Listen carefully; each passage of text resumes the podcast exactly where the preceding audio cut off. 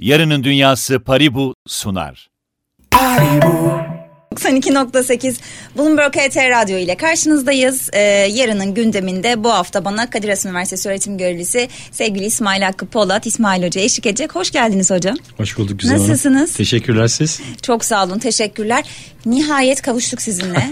yani son birkaç haftadır tabii çok güzel konular işliyoruz. Biz e, işte Paribu'nun dijital yatırımlarını konuşuyoruz, sosyal girişimcilik tarafını konuşuyoruz ama yani fasulyenin faydalarını bir kenara artık bırakalım. Bu kripto para piyasaları ne olacak?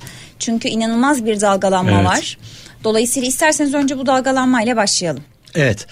Ee, yani şimdi e, tabii burada e, iki şeye bakmak lazım. Ee, bir kısa vadeli süreçte işte haber akışlarıyla ve e, işte gelişmelerle pompalanan bir şey var. Yani pompalanan demeyeyim de bayağı bir e, işte e, vuku bulan diyeyim e, şeyler var. Bir de uzun vadede aslında e, hani biraz daha geri plana çekilip ne oluyor ne bitiyor ona bakmak lazım. Şimdi kısa vadede Mayıs ayı başından beri işte bu özellikle Luna e, ve Terra ekosisteminde olan e, şey sıkıntıları e, a, ne diyeyim e, finansal e, tasarım sıkıntıları diyelim e, bayağı bir e, e, kripto para piyasalarında bir katastrofiye neden oldu ve e, işte e, önce Luna, Luna'nın bağlı olduğu ki Luna e, zaten ilk onda bir e, şey, e, coin'di. E, sonra e, onun e, işte çıpalandığı, e, onu bir rezerv olarak kabul edip çıpalanan UST dediğimiz stable coin e, 2.80 yere serdi yani tabirle Gerçekten bütün öyle piyasaları. E, onunla başlayan tabii büyük süreç e, aslında e, diğer stable coin'ler konusunda da e, bayağı bir istikrarsızlık Endişe yarattı. Hani yarattı. stable coin aslında istikrarlı coin ya da işte belli bir e, ekonomiye ya da işte bir para birimine çıpalanan Tether. coin demek. İşte Tether, e, USDC, Circle Coin e, gibi coinler. Onlar işte e, çoğunluğu bunların Amerikan dolarına çıpalanıp onun bir değerini taklit ederek aslında kripto para piyasalarında doların değeri üzerinden e, işte e, belli bir şekilde özellikle düşüşlerde çok işe yarayan bir çıpalanma yapıyorlar. Ama halbuki son dönemde biz dolarda bir zayıflama, düşüş görmedik. Ee, Çok fazla, çok şöyle sert. e, tabii satın alma e, gücü dışında konuşursak evet ama e, yani şunu şey yapmak lazım işte insanlar da o yüzden e, hani artık e, kripto para piyasaları 12-13 senelik oldu. O yüzden hani e, Bitcoin'in ya da işte başta Bitcoin olmak üzere kripto paraların eğer düşüş dönemini görüyorlarsa istikrarı e, dolara çıpalanan e, şeylerde İşte arıyorlar. onu sormaya çalışıyorum. Yani dolar yatay kalıp Tether'in düştüğü bir ekosistem.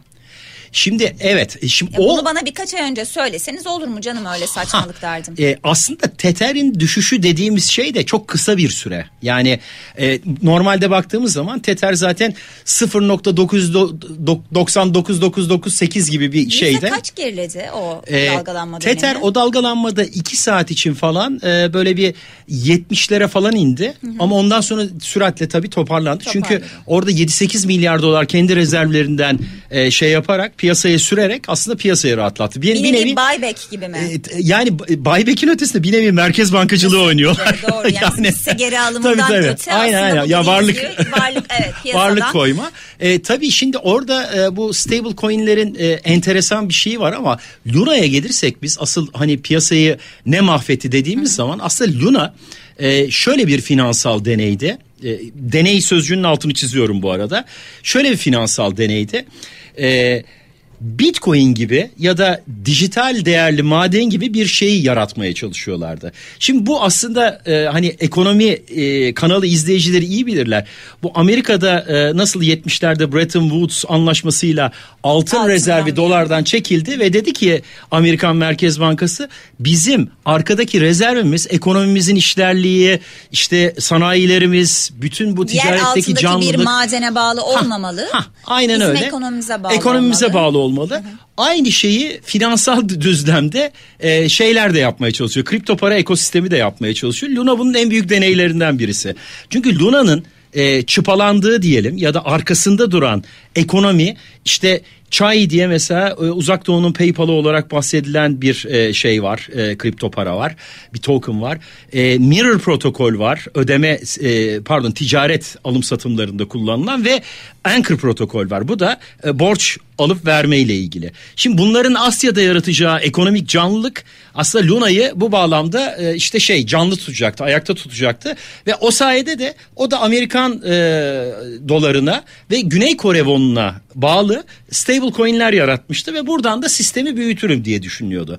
Ama finansal tasarımda aslında hani merkezsiz ve algoritmik gideceğiz derken o kadar ekstrem e, deneyler yapmaya başladılar ki işte 3 milyar dolarlık bitcoin'i al e, farklı şeyler yap işte sistemi desteklemek için falan e, bu şeye benziyor hani Titanic falan nasıl böyle e, yapılır çok muhteşem bir şey olarak görünür ama işte bir yerinde bir şey vardır ve işte Aşil'in topu derler ona bir yumuşak karnı vardır oradan e, şey yapar Su burada alır. da su alır aslında bu aylardan beri şeyde de tartışılıyor. Sosyal medyada Ya tartışılıyor. peki bu şöyle bir şey yani şöyle bir benzetme yapsak doğru mudur ya da lütfen siz düzeltin.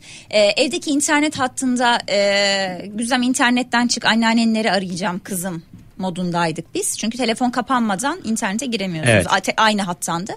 Ee, böyle bir ekosistem varken böyle bir teknoloji varken bir anda 4G'ye geçmeye çalıştık.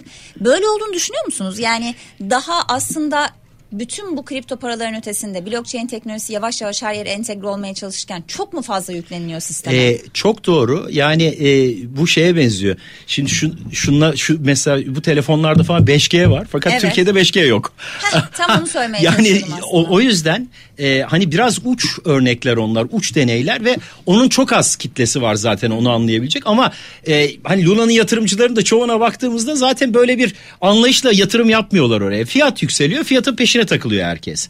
İşte zaten sıkıntı şu. E, bu artık öyle bir e, ste- şeye spekülatif hale geldi ki artık o arkadaki e, white paper'ın ya da işte oradaki önemi o kalmadı. şeyin İnanılmaz önemi bir kalmıyor. Kaos var. Ee, bir şey yüksel- yükseldiği zaman bir sürü psikolojisi. Hah. Yani yatırımda sürü psikolojisi. Çok Şimdi, özür diliyorum. evet. Size sözü vereceğim. Çok kısa hemen izleyicilere, dinleyicilere söyleyelim. 92.8 Bloomberg HT Radyo'da yeni açanlar için radyosunu e, İsmail Hakkı Polat'la beraberiz. Sizden ricam bize Twitter'dan, Periskop, YouTube, sosyal mecralardan sorularınızı iletin. Bu dönemde gerçekten siz sabit coinleri e, güvenli araç, defansif varlık olarak gördünüz mü?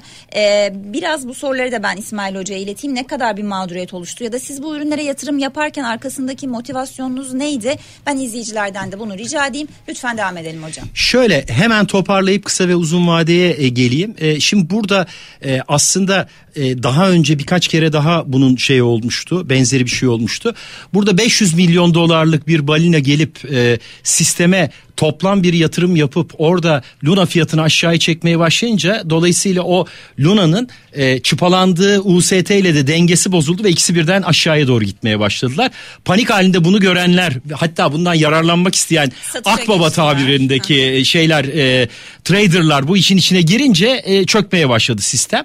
Burada tabii e, hani Ama bu bir balina ile sistemin çökmemesi işte finansal aslında. tasarım o yüzden diyorum finansal tasarım sıkıntısı bu algoritmik stable coin dediğimiz coinlerde e, zaten siz o finansal tasarımın yumuşak karnını bildiğiniz zaman oraya doğru direkt atış gönderiyorsunuz ve büyük bir parayla atış yaptığınız zaman da zaten o e, bayağı şey oluyor. Artı o zaman da kriz yönetimi yapmanız lazım. Asıl bence Luna'nın sınıfta kaldığı şey bu. Yani balinaya yem olmamak için ne yapmamız gerekiyor? Şimdi balinaya yeme olmamak için birincisi e, bu işte burası süper merkezsiz işte kendi kendine çalışır demeyi bırakmanız lazım öncelikle. Çünkü e, sizin de söylediğiniz gibi şu anda bir 5G dünyası yok. Yani çok ideal bir dünya yok. E, bir sürü işte tamamen e, fiyat yükseldi diye bu işe yatırım yapan bilinçsiz ama bir o kadar da fiyat düşerken işte fiyatı aşağıya doğru itecek de yatırımcı kitlesi var ve bunun da hiçbir regülasyonu yok. Dolayısıyla işte siz burada çok bilinçli bir kitle olmadığı için botlar, algoritmik al- şeyler falan da var, trade botları var.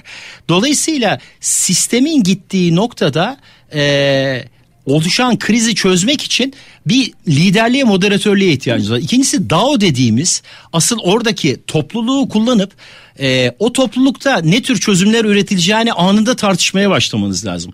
Şimdi Luna'nın kurucusu 17 saat ortadan yok oldu. Yani düşünebiliyor musunuz? Yani mesela bunu e, gerçek dünyaya uyarlayalım. e, dünyada dolar krizi var e, ve Fed'in başkanı 17 saat boyunca açıklama yapmıyor. Ya da işte bir şirketin CEO'su e, şey düşerken 17 saat hiç açıklama yapmıyor. Böyle bir şey olmaz. E, mesela birkaç ay önce bu Wave'de, Waves ekosistemi de yaşandı. Orada o sistemin kurucusu çıktı. Ask Me Anything yaptı Twitter Spaces'de. Herkesin sorularını cevapladı. Biraz o algıyı güçlendirdi. Arkadan dedi ki topluluğu harekete geçiriyoruz. Teklifler verin dedi ve o tekliflerle aslında onlar çok daha büyük bir e, vakayı atlattılar şu an için. Şimdi buradan şeye gelirsek bu zaten siz şeyde bir karamsarlık yarattı ve bu karamsarlığın hala insanların e, kripto para ekosistemine girişindeki şeyini e, iştahını azalttılar. Arkadan da işte zaten Fed'in faiz e, indirimleri ve varlık küçültme politikası vardı. E buna e, birkaç günden beri işte Reuters'ın Binance hakkında açtığı soruşturma, arkadan işte e, şey e, pardon Reuters'ın Binance'in kara para akladığına ilişkin haberi, Hı. ondan sonra da SEC'in e, Binance Coin ile ilgili açtığı soruşturma. Dün New York Times'ta ilginç bir haber çıktı işte Bitcoin yeterince güvenilir mi diye. Hani kaç seneden beri bilindikleri tekrarlıyor. Hemen arkadan e, bir Amerika'daki e, işte e, kripto para yasa taslağı sızdırıldı falan. Anlaşılan şu ki e, hani e, kripto paralarla ilgili bir bir tasarımlar var ve gelecek ve bu bu şu anda piyasa buna hazırlanıyor. O yüzden de şu anda piyasa biraz tedirgin e, tedirgin bakışlarla şey izliyor. Ama hani gördüğümüz kadarıyla e, şu andaki bütün geleneksel piyasalar dahil Bitcoin özellikle bu e, şeyde gidişatta hani diğer altcoin'leri bir tarafa e, koyarsak aslında bence iyi direndi. Hala da direniyor. Ya son gelen ilk gelir ilk gider oluyor biraz yani işlerinde de son e, ekibe katılan ilk e, küçülme olduğunda ilk kovulur ama ilk Bitcoin hani biraz general manager gibi tahtını koruyor. Peki hocam e, şimdi deniliyor ki mesela Amerika'da bile 70 küsür çeşit do, çeşit dolar vardı.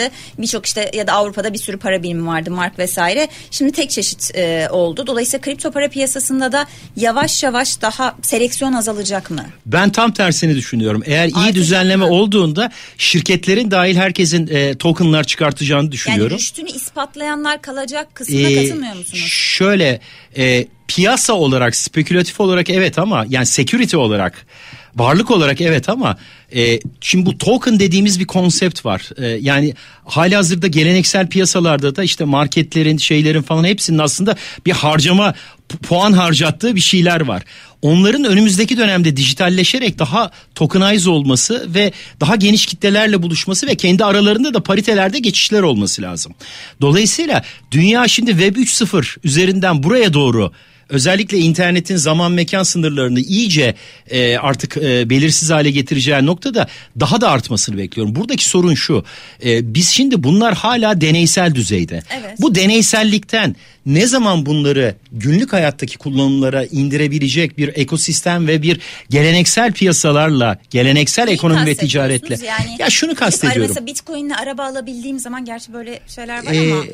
Hayır hayır onu kastetmiyorum. Yani bu Türkiye'de dolarla araba almaya benziyor. Bence bence böyle bir şey değil. Siz eğer bir market e, ya da bir hava yolu coin'iyle onu bir pariteyle çevirip onlar arasında çapraz harcamalar yapabiliyorsanız işte bu aslında şeydir. Peki bunun önünde regülasyonlar, vergi sistemi, e, kamu otoritesi onların, duvar değil mi? İşte onların hepsi bir süreçte şu anda zaten bu deneysel çalışmalar, bu akıllı sözleşme dediğimiz şeylerin hepsi aslında bunlar için tasarlanıyor.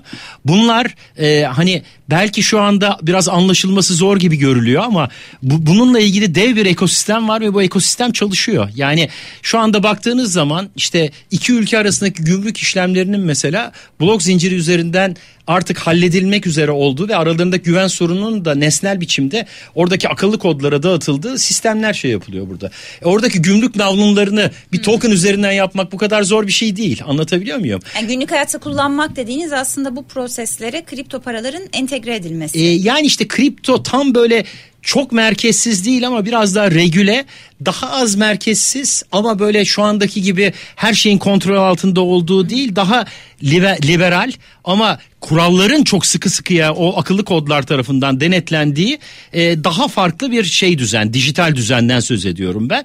Bunların örneklerini göreceğiz aslında da işte e, şu andaki finansal düzenle e, şeyin kripto paraların arasındaki barışmaya ve o ilk barışmanın da Amerika Birleşik Devletleri gibi büyük bir yer üzerinden olmasına var. Olmazsa zaten Çin ya da Rusya tarafından doğu tarafından böyle şeyler geliyor zaten. Mesela dijital yuanın e, işte hmm, şeydeki e, Çin'deki kullanımına baktığınızda yani e, para transferi olsun işte paraların harcanması olsun olacak. Ama orada da mesela ilk kullanımlarda vatandaşların şöyle bir şikayeti var. Ya bizim her harcamamızı devlet gözetliyor. Neredeyse trafik polisi gibi hop o parayı oraya harcama şuraya harca falan diyecek bize diye. Şu anda mesela ilk baştaki iştah birazcık azalmış durumda. İşte burada ikisinin ortasında bir şey lazım. Yani Her şeyde olduğu gibi. aslında e, full merkezli olmasının arasında ince bir sınır var Aynen öyle. E, izleyicilerimiz, dinleyicilerimiz sorularınızı iletebilirsiniz. Hepsini görüyoruz şu an yayından. E, az önce Paran Dijital'in sorusunu iletmiştim zaten. Devam edelim hocam. Şimdi bir yandan da aslında blok zincir ekosistemine dair olumlu gelişmeler var. Tek başına kripto paralarla anlatmak doğru olmaz. Çünkü aslında şirketlerin bu teknolojiyi kullanması, hükümetlerin bu teknolojiye geçiş yapması da bir şekilde kripto paraları da besleyecek. Yani siz eğer tabana yayılabilirseniz, oradaki teknolojiyi biraz daha oturtursanız belki kripto paralar da sizin dediğiniz sürece evrilmesi, yani DeFi'na merkezi olmasının arasındaki o ince çizgi evrilmesi daha kolay olacak. Birkaç e, son zamanlardaki sıcak örnekten bahseder misiniz? Blok zinciri e, sistemini artık daha kabul edilebilir görüyoruz ya da şu ülkeler, şu şirketler bunları yaptı dediğiniz Mesela liste giderek uzuyor çünkü. E şöyle şu anda tabii e, biraz bu kripto paralardaki e, piyasalardaki e, ve e, tedirginlik ve e, devletlerin düzenleme şeyi bu projeleri birazcık daha böyle evet, şey yani, almış Yoksa durumda. markaların istekleri var değil Evet mi? evet yani e, şöyle söyleyeyim size mesela denizcilikte ya da lojistikte kullanılıyor zaten. Yani büyük şimdi hani ismini vermeyeceğim e, denizcilik şirketleri e, şu andaki işte mesela dünyadaki bütün şeylerini gemilerini şeylerini takip edebiliyorlar oradan. Hani navigasyon gibi değil bu. Hangi mal nereye indirildi o nasıl gidiyor falan filan onları e, şimdi siz tek bir sistemden de izleyebilirsiniz. Tek sistemden izlediğiniz zaman o sistemi manipüle etmek ya da hacklemek daha ama kolay. Ama verimliliği artırabilirsiniz aslında. Evet arttırabilirsiniz as ama daha çok o güvenilirliği sağlamak için. Çünkü bazı yerlerde verimlilik artmıyor aslında. Çok merkeze yayıldığı için bu hani ve kayıtları tuttuğunuz yerler çok e, fazla yerde tutulduğu için o aslında size ekstradan bir enerji e, ve depolama şeyi getiriyor. E, maliyeti getiriyor ama orada asıl hikaye e, bunun e, hiç kimsenin itiraz etmeyeceği kadar şeffaf ve e, dağıtık şekilde e, tutulması. E, onun dışında e, artık tedarik zincirlerinde e, olmaya başladı. Mesela e, işte şeyde e, özellikle Amerika'daki e, bu e, işte e-ticaret ya da büyük e, şeyler market zincirlerinin birbirleriyle lojistik kavgaları sonucunda e, özellikle bu, bu lojistiği yapan e, işte e, kamyoncular ya da işte nakliyeciler e, bunlardan illallah dedikleri için şey yapmışlar. E, demişler ki biz kendimiz bir blok zincir kurdun e, kurduk. Bundan sonra işte A e, W ile başlayan marka, A, A ile başlayan marka gidin oradan e, şeyinizi seçin. Hangi e, lojistik şeyimiz aracımız neredeyse onlarla ilgili tahsisatınızı, alokasyonunuzu öyle yapın demişler. Eskiden Kamyoncular Federasyon Derneği vardı. Şimdi lojistik e, şirketlerinin işte sürücülerinin tabii. blockchain e, aslında evet, değil mi? Evet evet işte zaten Amerika'daki şey o kamyoncular birliğinin kurduğu şey blok zincirler falan. Şimdi burada tabii e, bir de bu blok zincir kafası değişik bir kafa. Yani şöyle şimdi mesela e, Türkiye'deki işte büyük e, gıda zincirlerinden birisi kendi blok zincirini kuruyor. Ya, Aslında çok pardon bunların hep ortak özelliği sanki tedarik. Yani tedariğin her tarafında olan yani gıda olabilir, otomotiv olabilir vesaire eğer işin içerisinde bir dağıtım kanalı varsa yani bir sanki böyle ağacın dalları gibi ya da kökleri gibi yani dağıtım kanalı varsa sanki blockchain daha iyi o iş modeline entegre oluyor. Yani şeyi anlamaya çalışıyorum. Ha. Hangi sektörler ve hangi iş modelleriyle blockchain daha entegre çalışıyor? Ya şöyle aslında hani e, birden çok partiyle çalışan ve bu partiler arasında çıkar ve güven çatışması olan her yerde kullanılır. Süpersiniz. Ha ve burada da şey şu. Şimdi market zincirinin kendisi zaten monopol. Tutup da kendi üreticisini, dağıtıcısını, lojistikçisini o zincire toplaması kafa olarak bir şey ifade etmiyor. Blok zincir kullanmasına gerek mevcut sistemle devam etsin. Oradaki önemli olan şey bütün her yerde hakkaniyetli bir şekilde ve o paydaşların hepsini kendi emekleri sermayeleri karşısında o işin içine katabilecek bir işleyiş yaratmak. Yani bu şu demek. Şimdi siz eğer market zinciriyseniz ve o market zinciri ya da her neyse işte lojistik zinciriyseniz, e-ticaret zincirseniz fark etmez. Orada siz e, blok zincirdeki akıllı sözleşmeye ve hak edişe işte bütün alacaklar bir ay içinde ödenecektir deyip ondan sonra o paraları orada tutuyorsanız blok zinciri yapmanıza gerek yok. Çünkü zaten aynı sistem şey yapılıyor. Halbuki burada bu hakkaniyeti sağlamak için onlarla beraber bu ödemeler bir ayda yapılacak diye anlaşıp ondan sonra sizden bağımsız olarak ödemelerin zaten sizin cüzdanınızdan otomatik olarak akıllı koddan çekilip o tarafa aktarılması lazım. Yani nedir sen üretici malı teslim ettim dediği anda ve bunu da bir QR kodla ya da bir internet nesnesiyle kanıtladığı anda o parayı alabiliyor Anladım. olması yani ben lazım. bir A markete gidip sütü aldığım an aslında o sütün e, üreten çiftçi ya da o sütün paketlemesini yapan e, şirket ya da o sütü markete getiren işte e, lojistika hepsine aynı anda adil bir şekilde ve doğru bir zamanlama Aynen modelle e, ücretlerin ödenmesi ya da kontratların Ay- ay- işte- yenilenmesi. işte aynen öyle. Aynen öyle. Ama bunun yönetişimini e, şey yapmıyor. Oradaki tekel yapmıyor işte. Anladım. O akıllı koda devredildiği için oradaki üretici de dağıtıcı da, lojistikçi de, depocu da hepsi paranın kendisine o mutabakatta, o sözleşmede yazan şartla geleceğini, koşulla geleceğini biliyor. Asıl buradaki şey o. Yine enerjide de aynı şekilde. Mesela enerji herhangi bir enerji zinciri değil. Mesela EPDK gibi bir kuruluşun enerji blok zinciri yaratması lazım ki oradaki tüketici, e, dağıtıcı, üretici ilişkilerini e, şey yapmak lazım, Yönetmesi koordine etmek lazım. lazım. Keza bakın kamuda o kadar çok kullanımı var ki. Şimdi kişisel verileri böyle bir sürü kaptırdığımız şeyler okuyoruz değil mi? Bir sürü yerde kişisel verileri işte e, siz veriyorsunuz yazıyorsunuz oraya bir anda kişisel verileriniz kaptırılıyor falan filan. Şimdi orada mesela Bankalar da bu arada bunun. Ha yani karşısında. hepsinde var. Dolayısıyla işte kişi- mesela kişisel verileri koruma kurulunun bir kişisel veri zinciri koyup mesela Güzem'in ya da İsmail'in kendi kişisel inisiyatifiyle herhangi bir kuruma o kadar bilgiyi verebildiği bir e, işleyiş oluşturmalı burada. Ve bu işleyiş e, o, o işleyişte o e, e-ticaret şirketi ya da o enerji şirketi benden o bilgiyi alamamalı. Ben ne kadar istiyorsam o kadar vermeliyim ona. Peki e, hocam burada bu bahsettiğimiz şirketler işte e, perakende gıda tarafı olabilir, enerji olur, banka olur vesaire önemli değil. Kendi blockchain e, sistemlerini kurmak için kendi teknolojik altyapıları, kendi yazılımcıları, bilgisayar mühendisleri bu şekilde mi ilerlemeliler? Yoksa outsource mu edilmeli bu sizce? Şimdi şöyle Yani tabii var olan zincirlerin içine entegre mi olmalılar bu alanda? Mesela X bir banka bir blockchain sisteminde ben de Türk bir banka olarak onu taklit edeyim ve oraya entegre olayım yoksa sıfırdan kendi ekosistemini yaratabiliyor mu? Şimdi buradaki en büyük problem ne biliyor musunuz? Şu ana kadar Web 2.0'da e, hep şey yapıldı. İşte aman bizim patronun e, tek bir tuşla her şeyi kumanda edebileceği ve bütün kararları alabileceği bir süper merkezi bir düzen yaratıldı. Şimdi biz diyoruz ki burada bunun tam tersi yapılacak ve aslında tek başına karar alınmayacak. Yani ben belediyelerde falan e, işte akıllı şehir eğitimi verdiğimde hep şeyi söylüyorum. Ya diyor ki işte her şey başkanın şeyinde olsun. O E, zaman akıllı olmaz işte zaten. hayır ben de diyorum ki ya başkanın telefona eklenirse.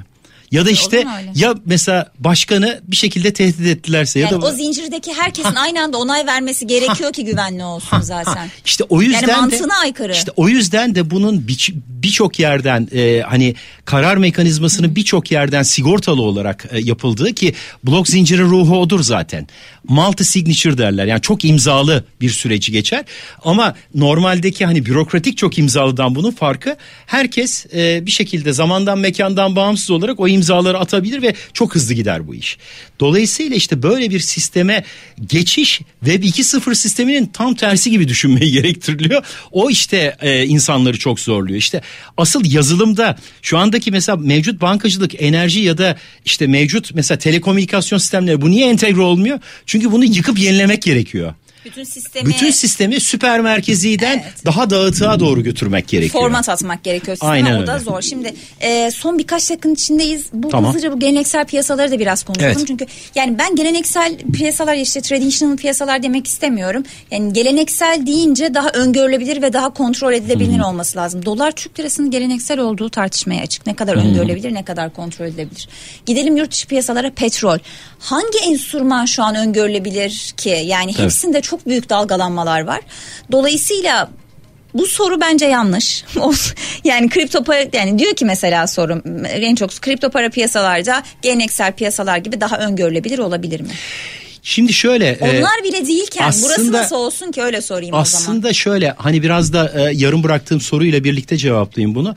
Aslında on-chain analytics diye bir şey var. Zincirdeki hareketlere bakarak bunu tahmin edenler var. Yani çok başarıyla tahmin edenler var bu arada. Çünkü mesela Bitcoin'in blok zinciri aşağı yukarı 13 yıldan beri belli hareketler yapıyor ve o hareketlerde mesela işte şeye bakıyorsunuz mesela. Tarih tekerrür mü ediyor? E, yani şuna bakıyorsunuz mesela bir yıldan fazla e, bir yıldan önce açılmış cüzdanlar ya da 7 yıllık cüzdanlar satış yapıyor mu diye bakıyorsunuz.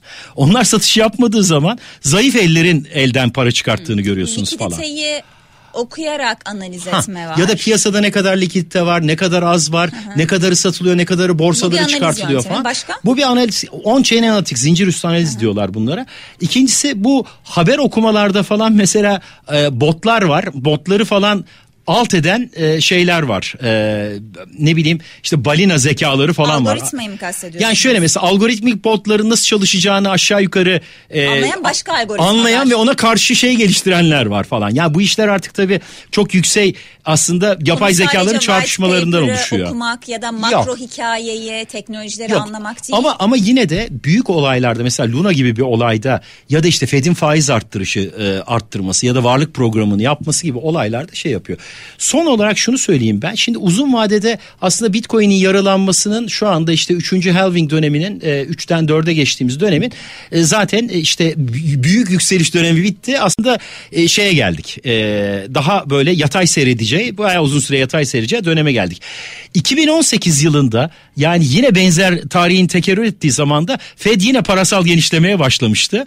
Ve aynı şekilde şu anda 2022'de aynısı tekerrür ediyor. Aslında geleneksel Parasal piyasalarla sıkılaşmaya. e, paras pardon parasal sıkılaşmaya gittiği dönemde 2018'de nasıl başladı? doğru. Sonra 2019'da bıraktı galiba Evet, değil mi onu? evet. Şimdi e, hani tarih tekerrür edecek mi? Buna bakmak lazım. Ona göre mesela Bitcoin'in 4 yıllık grafiğine bakarak aslında hani uzun vadeli günlük değil ama uzun vadeli şeyler çıkartılabilir. Bir takım öngörüler çıkartılabilir. Dolayısıyla hani bence e, bu işi takip etmek isteyenler bir Bitcoin'in yarılanma grafiğini iyi bilsinler. Çünkü o şeyin e, endeksi zaten kripto paraların. İkincisi tabii ki gelenekselde Fed'in para sıkılaştırma programına, varlık alım programına bakmaları lazım. E, bir de günlük haber akışlarında e, mesela Web 3.0 ile ilgili dönüşümler nasıl oluyor? Amerika'daki düzenlemeler nasıl? Bunlar mesela önemli ve majör haberler. Onun dışında hani ben günlük al sat çı değilim yani değilim derken hiç yapmıyorum da e, yani e, mindset olarak zihinsel olarak e, bir defa günlük al satı e, ben kafamda reddeden yapmıyor. birisiyim. Kripto para yatırımınız hiç yok mu hocam? E, kripto para denemelerim var. Var var. E, denemelerim var ama e, şöyle e, mesela DeFi'yi anlamadığım için alıp satmak zorunda kaldım. Çünkü tek başına anlaşılmıyor bu. Mesela şimdi Metaverse'te şeyde falan filan e, danışmanlık yaptığım yerler var. Onlar coin veriyorlar ve onun utility özelliklerini deniyorum. Ya bunları yapmak zorundayım. Ben de ajanlık yapıyorum. Her kurumda bir e, böyle 50-100 TL gibi küçük mevlalarım var hocam. Bakıyorum gerçekten doğru çalışıyor mu onlar? Tabii bu bunlardan bir tanesi ama her kurumda var yani. Sistemleri çalışıyor mu? Alım satım emirleri verdiğinde hemen işliyor mu acaba diye. E, Çünkü o, o konularda biraz da e, şey yapıp e, neydi deneyim kazanıp Evet, o deneyimi aktarmanız Doğru lazım. çok haklısınız. Ee, peki son olarak artık tamamlarken şimdi bu işin bir tabii ki altın kuralı işte e, yemek tarifi gibi şundan şu kadar koyacaksınız demek zor biliyorum ama bir nevi mesela gerçekten bir model portföy oluşturursak bundan sonraki süreçte mesela artık stable coinlere asla girmeyin iddialı bir söylem mi?